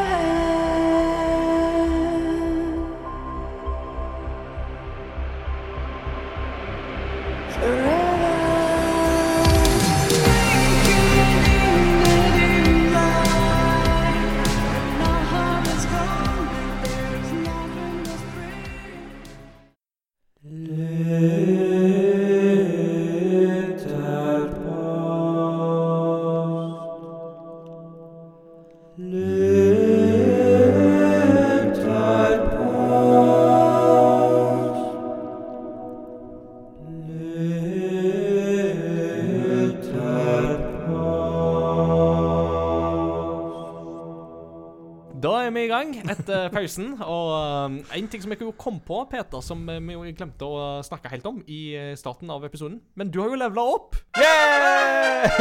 Ja, stemmer. Ja da. Du er fortsatt 20-something, da, så det er Ja, ganske det- imponerende. det er Men, eh, så vidt. Du begynner å nærme deg slutten, altså. Ja, kjenner det i hofta. Det. Ja, jeg kjenner det på gikta. Å, gamle krigsskaden fra Vietnam. Å, nei, Ja, nei, jeg har klart et år til, så det er jeg fornøyd med. Ja. Det, You, su- you successfully completed another transit around your local star. Ja. Commendable. det stemmer. Så ja, en grei dag. Antageligvis den roligste bursdagen jeg har hatt i hele mitt liv. Mm. Det var en helt vanlig arbeidsdag. Eh, Mm. det, jeg fikk muffins i dag. Mm. Det gjorde jeg. Jeg har et par kokker i klassen, og da han ene han kom med muffins og den glassuren. Eh, så det var digg. Uh, Nice. Men Og så skulle vi egentlig feire med eh, kona. Annika. Men hun uh, måtte De arbeidet dobbeltskift, for der var det noen som fikk korona. Eh, Så istedenfor at de skulle få inn et nytt team som da kunne bli smitta, så sa de seg villige, ja, men da arbeider vi dobbelt. Så Mm. hun arbeidet bokstavelig talt 24-7. Oi. Eh, ja. Ja, da blir det sånn. Ja. Så det Men jeg bestilte meg burger, jeg. Og Åh, nice. Ja, med trøffelmajones og bacon og Ja, det var, det var, det, det var digg. Åh, jeg får vann i munnen bare av å høre på. det, var, det var veldig deilig. Og for, skal få spill av eget ønske av kona og litt sånn der. Nice. Så det blir det, Det, var, vanker en spillgave herifra òg, altså, etter hvert. Så det Men Nice. ja. Så det, og det, hun, jeg tenkte liksom når hun sa det òg, at det var sånn mm, Du velger rett år. Hvem i huleste skal jeg velge? Det er så mye jeg har lyst på! ja, det er jo mye som både vi har lyst på, og som Mm. lytterne har uh, lyst på. Det og det er passer det. jo veldig godt med å da lese opp lytterposter. Yes. Uh, der vi har rett og slett spurt lytterne våre hva spill ser de mest fram til å spille i 2022. Um, og um, for de som ikke kjenner til dette, så er lytterpostene De legger vi da ut på vår Facebook-side og i vår Discord-server. Så det er bare å joine inn der via crossovergaming.no. Og så stiller vi spørsmål, og dere svarer, og så leser vi opp eh, utvalgte svar. Um, skal vi se Jeg kan jo da begynne på toppen i, um, i Facebook. begynner jeg da, For der har Torstein Røsok Han har skrevet Har et håp om at enten Final Fantasy 7 Remake Part 2 eller Final Fantasy 16 kommer i år. Da jeg ikke tror de vil gi ut begge i samme år, så de er høyest på radaren. Det, det, den eh, ser jeg. Om det ikke går, foruten de andre åpenbare svarene, så ligger Starfield høyt på listen også. Lurer veldig på om Bethesdas Creative Engine 2 bringer en ny og mer funksjonell generasjon av spill fra de. Det er jo et veldig vesentlig poeng her, at hvis Bethesda eh, Altså, nå, nå har de muligheten til å bygge noe helt fra scratch, istedenfor å bare bygge på en rusten, gam, gammel grafikkmotor. Mm. Så det er jo en sånn ting som gjør at Starfield blir litt sånn uh, spennende. Mm. Yeah. Jeg går videre på Benjo sin, Ja. og det er rett og slett fordi jeg er så enig. Jeg har jeg bare glemt det. Uh, og da er det Jeg gleder meg masse til Assassin's Creed Valhalla Dawn of Ragnarok. Uh, får liksom aldri nok av å dra på vikingtokt til alsken mer og mindre eh, fiksjonelle steder. Helt enig. Mhm. Eh, I tillegg krysser jeg tærne for Overwatch 2, selv om det har kommet antydninger om at det ikke kommer før 2023. Mm. Og igjen dessverre enig om den siste her, da. Eller sånn. Ja. Håper det kommer, men Mm. har ikke trua. Prepare for the worst, hope for the best. Ja. Mm. Det høres ut som livet i koronatida. Ja. Godspark han skal drive Metal Slug Tactics, Metal Slug OG Tactics, som man nå kaller det. Uh, Songs of Conquest, som er sterkt inspirert av Heroes of Might and Magic. Sea of Stars fra studioet bak The Messenger. Battle Brothers DLC. Ifølge Twitter jobbes det med noe nytt innhold, muligens en DLC. Og Call of Duty Modern Warfare 2 Tarkov Mode. Ifølge Mm. lekket innhold skal det nye COD ha en spillmodus relativt lik Escape from Tarkov, men vi får se.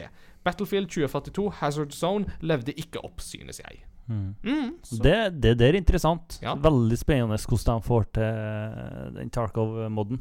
det, Det er, er jo et meget krevende skytespill. Mhm. Kjære vene, det er Jeg er imponert over dem som holder på med det. Ja, det er ikke for pingler. altså. Nei, det er ikke det, altså. Eh, så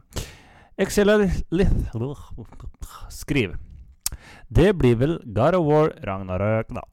Tenker jeg. Hadde ikke spilt noe av de tidligere God of War-spillene før forgjengeren, forgjengeren kom på PlayStation 4. Men det var altså en mesterlig opplevelse.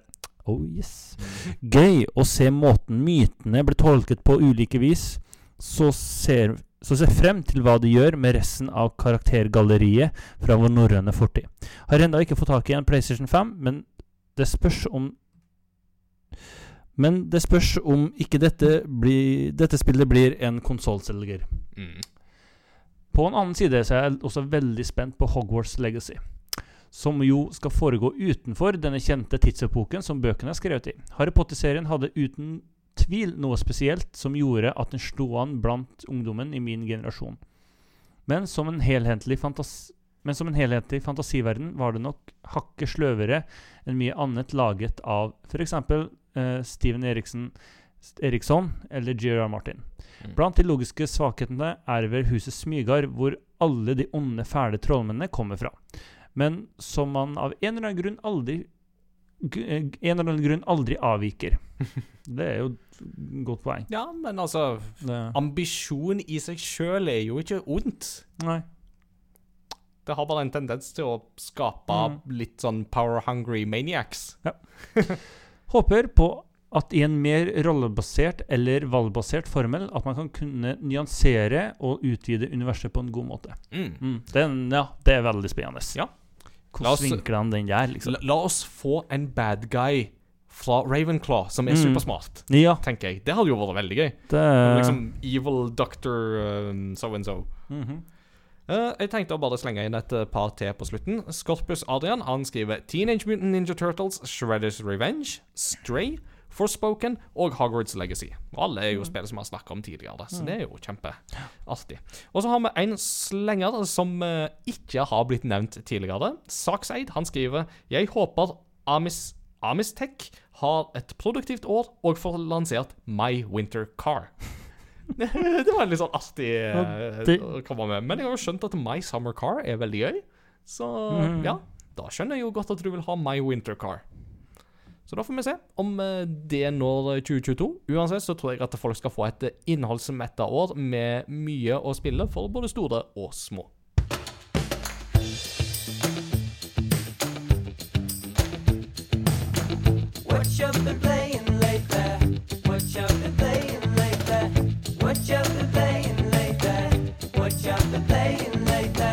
Har vi jo hatt en eh, lang og god ferie og pause, og selv om du har vært på reis, eh, så har du jo kanskje blitt litt eh, spilletid siden sist. Så Petter, Peter, hva har du tilbrakt eh, gamingtida di med siden eh, sist?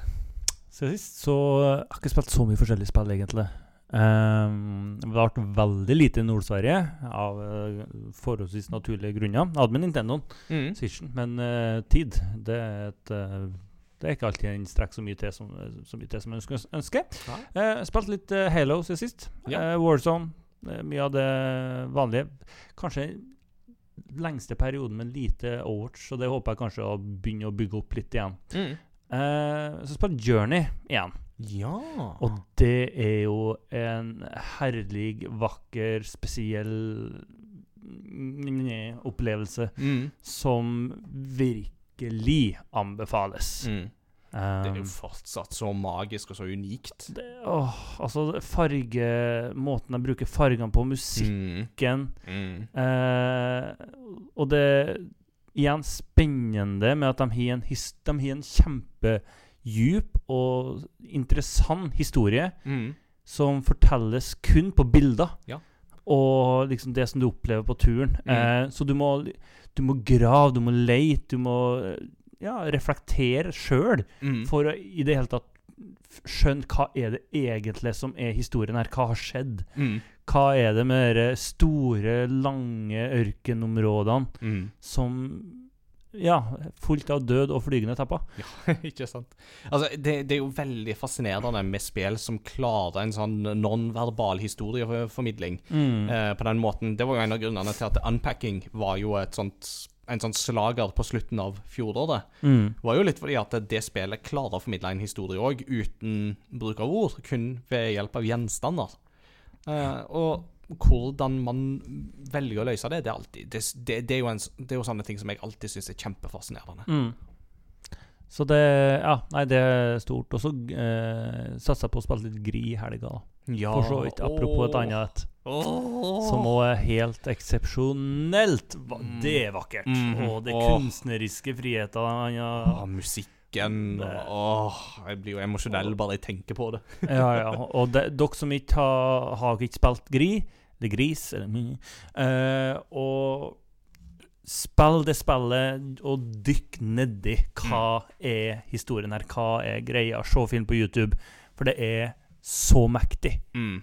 Og det er et viktig tema. Absolutt. Og den anbefalinga som jeg har jo gitt før en gang, og som Mm. jeg gjerne vil gi igjen, er at eh, prøv å spille det spillet i én sitting. Ja. Du klarer det på to til tre timer, Mm. uh, men spill gjennom det liksom i én omgang, så sant du har tid og mulighet til det. Mm. For det gir en uh, vesentlig bedre opplevelse, syns jeg, da. Så har jeg starta litt på The Forgotten City, Oh! som var julegaven fra deg, Ingar. Ja, vær så god, vær så god. Yes. uh, det er altså Sånn type spill er ikke jeg så vant til, at det er så mye prating. Og foreløpig lite action, men jeg har skjønt det rett, så blir det Det, det ordner seg. Jeg har blitt skutt én gang, i hvert fall. Ja. Så, det, så jeg tror på at det kan bli meget, meget bra. Mm -hmm. jeg var spent på hvor, eh, hvor historien dras, og ja hva, bety, hva, hos, hva skjer med valgene som jeg tar? Mm. Hvilke følger får det, liksom? Eh, så det er veldig imponerende, den lille gjengen har fått til Mm. eh, av, det, av et spill. Eh, så det, nei, det blir kult. Og hva er greia med den, det, den verden der? Mm. Um, The Golden Rule, den finnes. Det kan jeg Det, det fant jo. The many shall suffer for the sins of the one. Yes. Nei, så det er meget, meget kult. Eh, Final Fantasy Mm. 15. Uh, sysler med det litt som noe da, Ja, ja, ja. og koser meg fortsatt meget. Eh, Så plutselig står du på kjøkkenet, og så bare I've come up with another recipe! Ja, det, det er det faktisk stadig vekk. Stadig vekk. Så det, det er veldig kjekt. Ja. Det, jeg syns det. Skal vi se Neste Uh, Dirt. Fikk oh. du plutselig på PlayStation Plus? Å ja. Ja. ja. Eh, eh, femmen, da, eller? Åh, det kan stå. Jeg husker ikke på det. Mm. Sikkert. Et eller Ja. annet år. Kjekt var det i hvert fall. Boom. Åh, det, altså rally og sånt, det, har alltid hatt en forkjærlighet. Mm. For siden spilte VRC på PlayStation 2 en gang i tida. Mm. Og drev og bøyde meg over til sida ettersom hvor svingene var og sånt, fordi du trodde at det hjalp deg rundt. uh, så liksom Spaka alt, vet du. Det gikk over til høyre. We, we, we've all been there. We've all Ja, ja. been there. Eh, så det Og til slutt, og ikke minst, eh, så spilte jeg litt Pokémon Snap i Ja. jula. Det er New Pokémon Snap. New Pokémon Snap. Ja. Ja, ja, ja. Som du fikk låne? Ja. ja. Det er veldig kos, Mm. men tålmodigheten min får seg en liten test. Ja, ja, ja. Det, Eh, det, det er ikke action. Det er ikke action. Det er det som er litt deilig òg. Men jeg, jeg kan ikke sitte for lenge med det. Jeg klarer ikke det. Da, da begynner jeg Da jeg sovner. det er kjempefint. Og det, det, altså det er et utrolig lekkert spill, og det er mye fine detaljer. Og det, det er artig Mm. å være i en slags Pokémon-dyrepark. Blir trøtt. Ja. Jeg er håpløs på rør. Men sånn er livet en gang. Sånn, sånn kan det være, vet du. Og det, men altså, det, det, det, det, det Jeg skjønner det veldig godt. Og så lenge du i hvert fall syns det er kos, sånt, så er det jo liksom det som er det viktigste. da Det er det. Altså, Du nevnte jo på det med at du har spilt litt eh, Halo Infinite. Mm. Uh, altså, Du sa Halo, men jeg med det var Ja. Infinite. Eller er det Master Chief Collection? Master Chief Collection, Colle- Collection og for så vidt er multiplayer. Ja. Uh, så vi, jeg tror jeg spilte så vidt etter forrige episode. Mm. For du har ikke begynt på campaignen til Infinite ennå? Nei, jeg har ikke det. Nei. Så det er jo vanskelig, da. Ja, Jeg har ikke hatt tid heller, for så vidt. Nei, men det er bare greit å vite. Ja. Jeg syns bare det er interessant. Ehm, jeg har jo spilt ferdig Halo Infinite i romjula. Det gjorde jeg. Mm. Eh, Hva syns altså du? Altså, ja, hva syns jeg? Altså, historien har jo aldri vært liksom Det er liksom top notch i Halo-universet. Men samtidig Mm. så har Halo-universet mer historie enn det vi ofte gir det kred for. Særlig med liksom da Bungie var på høyden med spill som Halo Reach, eksempel, ble jo Mm, veldig ja. bra historieorientert. Og jeg likte jo veldig godt Halo 3 ODST òg, jeg. Faktisk. Ja. Altså Den måten det spillet forteller en historie på, som er veldig annerledes fra den gung-ho uh, actions, uh, guns blazing-greiene du ellers forbinder med Halo, så Mm, Ja. likte jo jeg veldig godt med det spillet. Um, 343 Industries har jo aldri helt klart å nå det samme nivået. Altså De var liksom litt inne på det med Halo 4, men Mm. ja Halo 5 Guardians ble veldig rotete. altså Vi sliter liksom fortsatt med å huske helt hva som skjedde i det spillet. Og det er trist. Ja, og det er litt trist. Halo Infinite berger seg litt inn, altså. De um, Mange vil nok på en måte føle at de slipper veldig ballen etter Guardians og la den bli liggende for å fortelle noe helt nytt.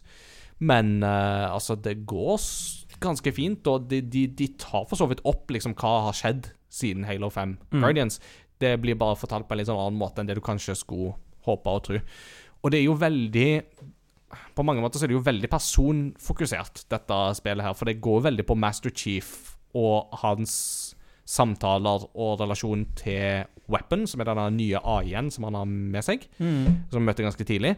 Eh, og eh, Pilot, eller um, Echo 216, som den piloten heter. Mm. Og altså Jeg føler ikke alltid de helt klarer det. Særlig med piloten så føler jeg nok at de bommer litt. Men jeg liker veldig den dynamikken mellom Master Chief og Weapon.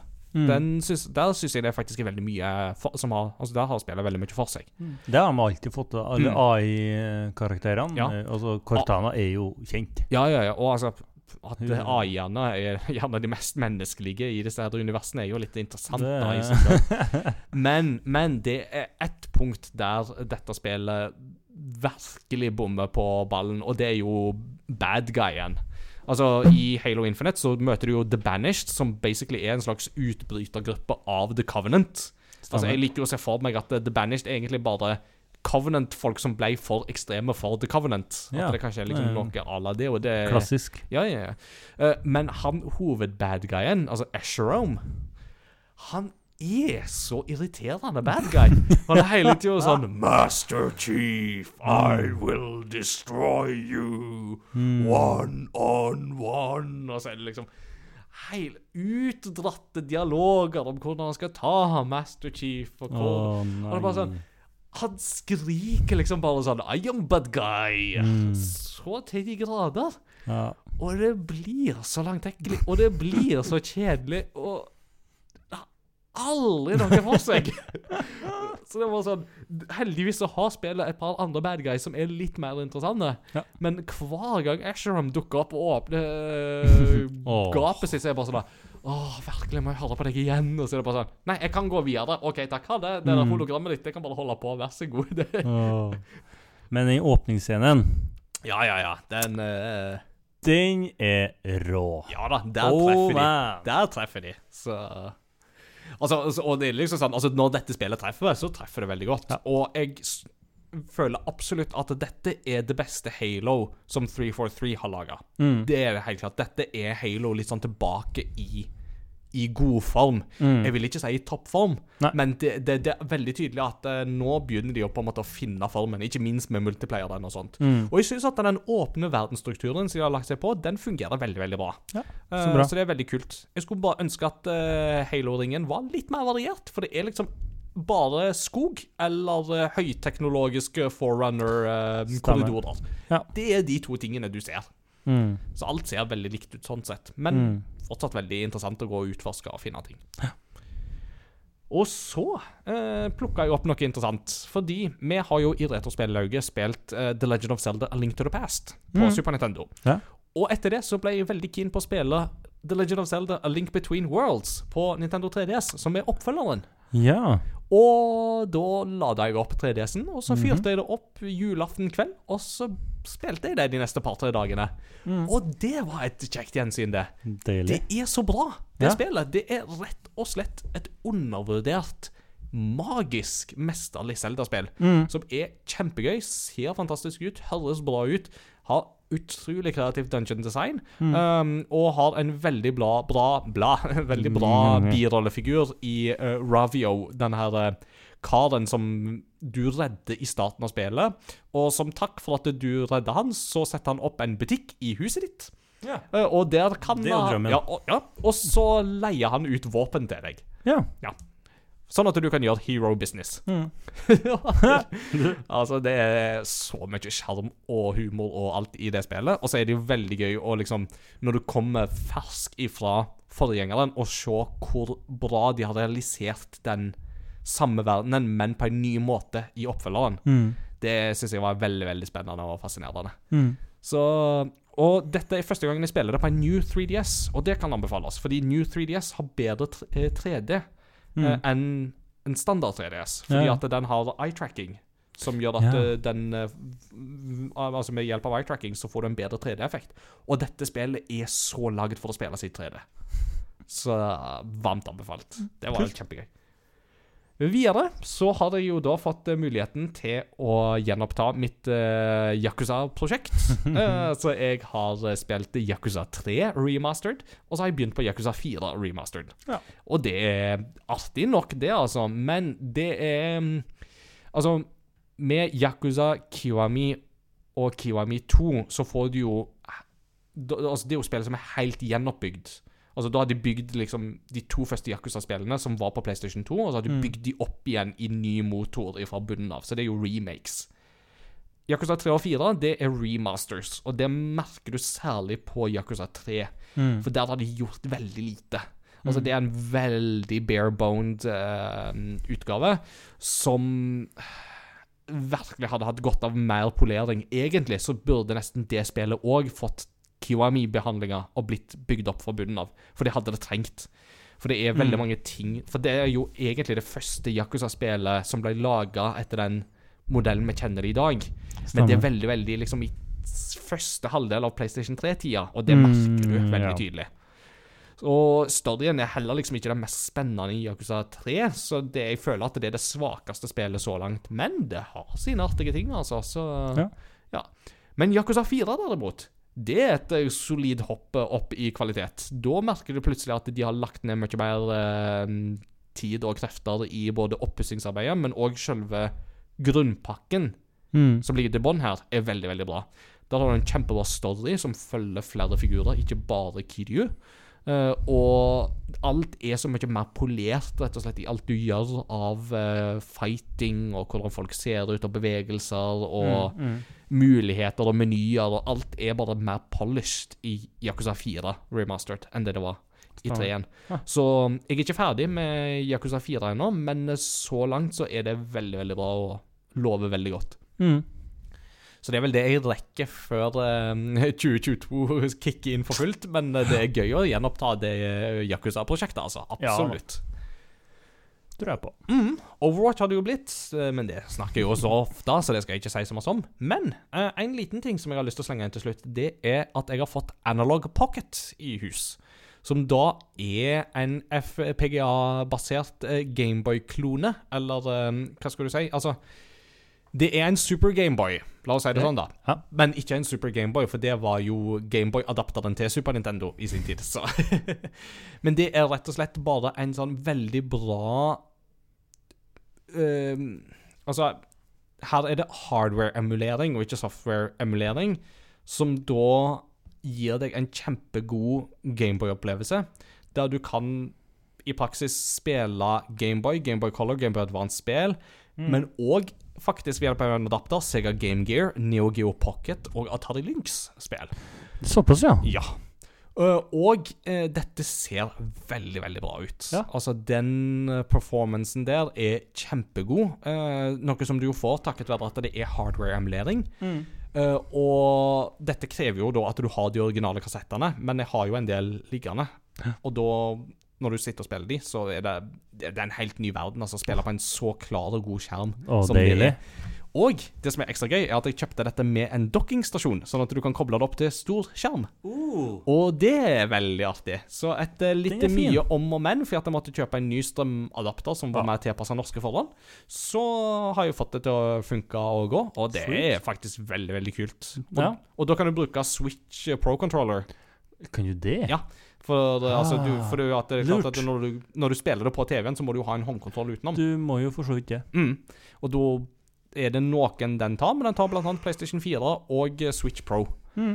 Og mm, det er kjempebra, altså. Så det er jo Jeg gleder meg til å teste den ut enda mer. Men jeg har ikke lekt meg så mye med den som jeg skulle ønske. Nei. Men alt så langt tyder på at her får du veldig veldig bra kvalitet, altså. Hvis du klarer å få tak i en. For den er jo sjelden Sweet. som hønsetenner.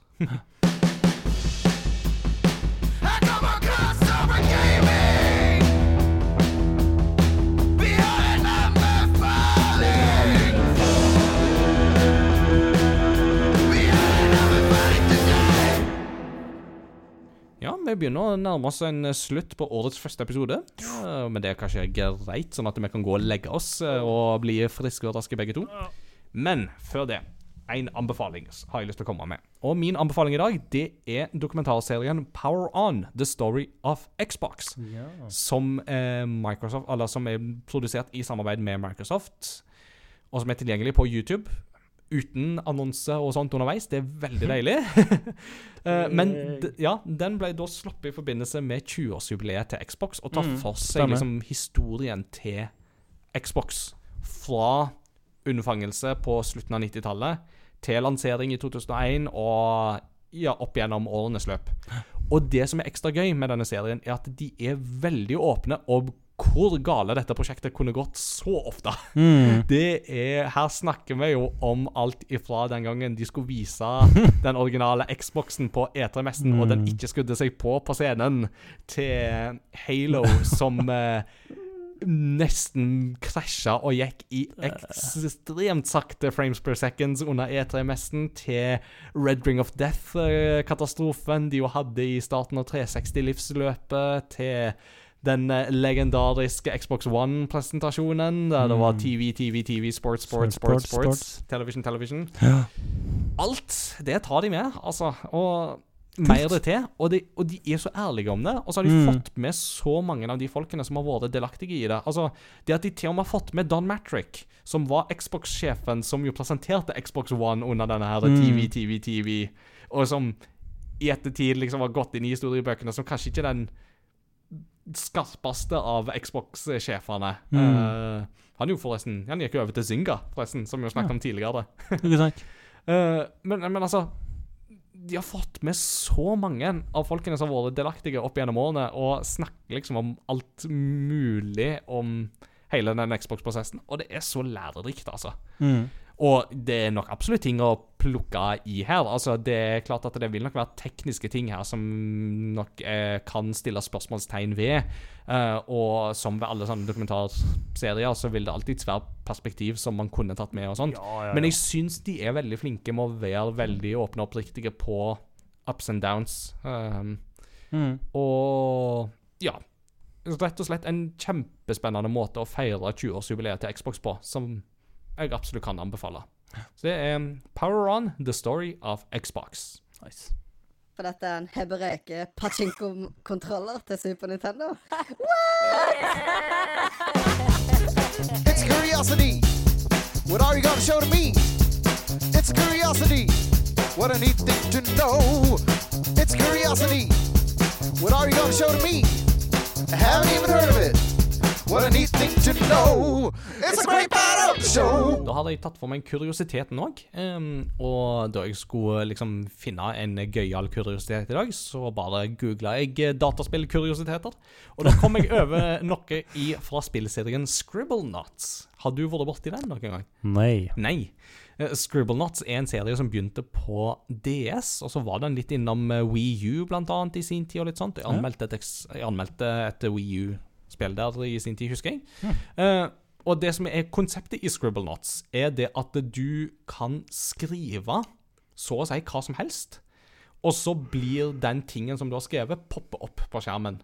Ja. og så må du bruke det til å løse forskjellige gåter. Mm. Så hvis du eksempel er bare sånn at Å, her kommer jeg til en grop, Uh, men hvis jeg skriver 'rain cloud', så kommer det en regnsky, og så begynner den å regne, og så fyller gropa seg opp Ja, med vann. stemmer. Og så kan jeg skrive 'boat', og så kommer det en båt. Da kan jeg gå på båten, så kan jeg seile over. Mm. Ja, fiks ferdig. Ja. Eh, Så det er jo mange sånne løsninger som det i Scribblenauts, som er veldig kreativt og veldig Mm, Ja. mm. Men det åpner jo òg opp for at eh, ting av og til kan gå litt på tverken. Mhm. Og det første Det. Scribblenauts De holdt på å ha en bug som uh, gjorde at ting kunne gå litt på tverken. For jeg fant da ut at Scribblenauts almost launched with a strange bug in which a lion would eat itself if bacon was glued to its back.